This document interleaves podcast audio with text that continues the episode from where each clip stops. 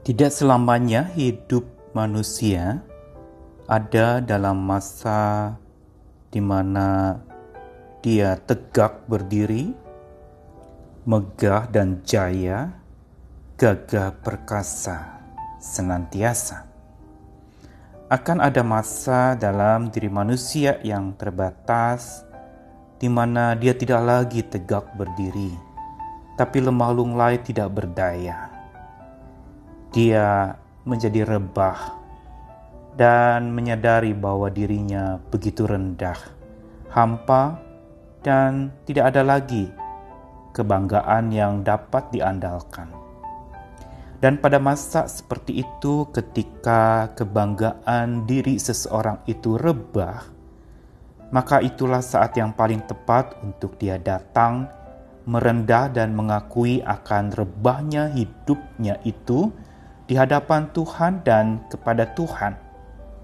Karena justru dengan merebahkan diri, mengakui akan kerapuhan diri di hadapan Tuhan, pada saat itulah sebenarnya Tuhan sedang mulai memulihkan dan membangunkannya agar berdiri tegak dengan kekuatan tangan Tuhan. Saya Nikolas Kurniawan menemani dalam Sabda Tuhan yang menyapa dari Mazmur 63 kali ini ayat yang ketujuh sampai yang kedelapan. Apabila aku ingat kepadamu di tempat tidurku, merenungkan engkau sepanjang kawal malam, sungguh engkau telah menjadi pertolonganku, dan dalam naungan sayapmu aku bersorak-sorai. Masa padang gurun sebagaimana yang sudah diungkapkan di hari-hari kemarin adalah masa di mana seseorang kehilangan segala kebanggaan hidupnya. Masa yang dialami oleh Nabi Musa misalnya. Setelah dia ada di masa istana yang begitu megah dengan segala fasilitas yang tersedia, dia harus masuk masa padang gurun di mana segala kebanggaannya punah dan musnah. Tidak ada lagi yang dia dapat andalkan dengan posisinya sebagai putra raja. Begitu pula Daud. Dalam masa di padang gurun, baik masa sebelum dia diangkat menjadi raja secara resmi bagi Israel, begitu pula saat dia sudah menjadi raja dan harus mengalami masa hendak dikudeta oleh putranya sendiri, maka pada saat itu adalah masa di mana kebanggaan-kebanggaan hidupnya itu rebah. Tidak ada lagi yang dapat dia banggakan. Semuanya serba kosong, musnah dan punah. Dan karena itulah maka Mazmur 63 merupakan Mazmur penyerahan diri yang total Daud kepada Tuhannya.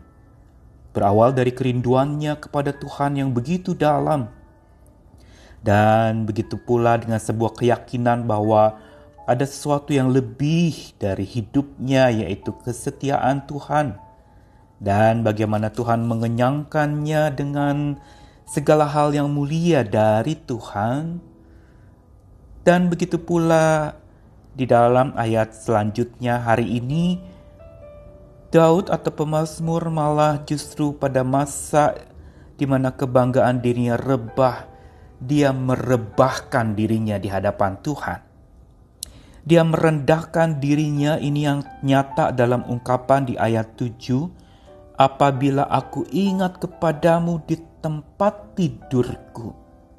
Merenungkan engkau sepanjang kawal malam.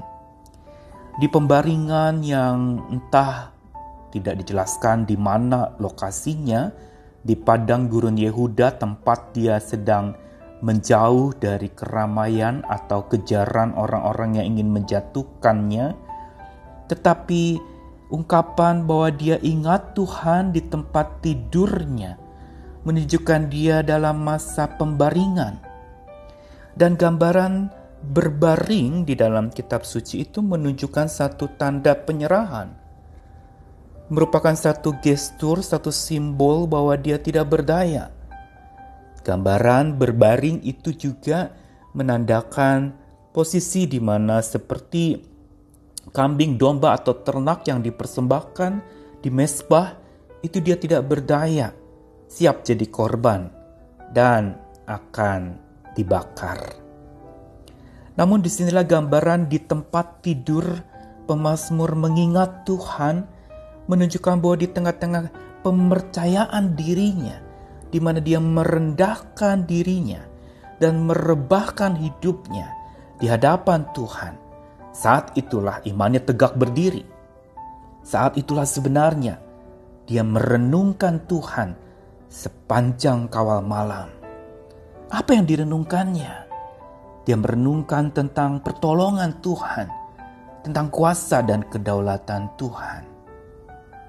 Dan yang menarik lagi ketika dikatakan ia merenungkan engkau sepanjang kawal malam.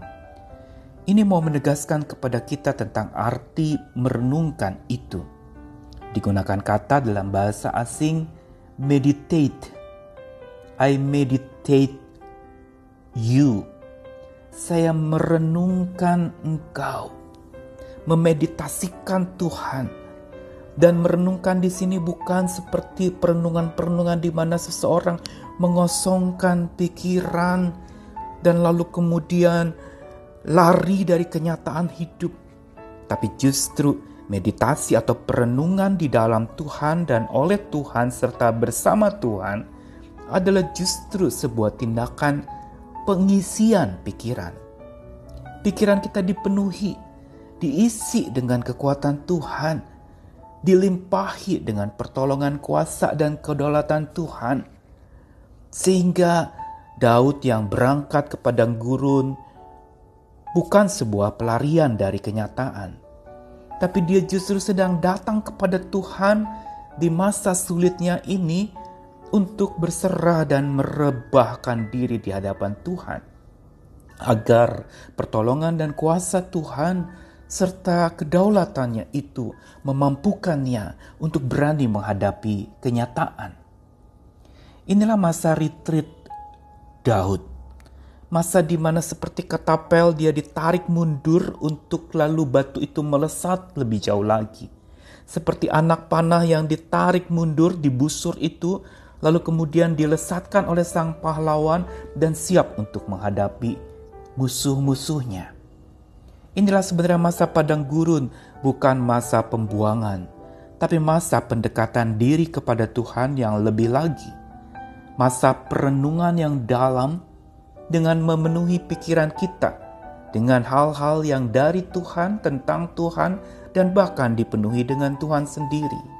Bukankah dalam perjanjian baru juga dikatakan, segala yang baik, segala yang mulia, segala yang indah kedengarannya itu Pikirkanlah semua itu.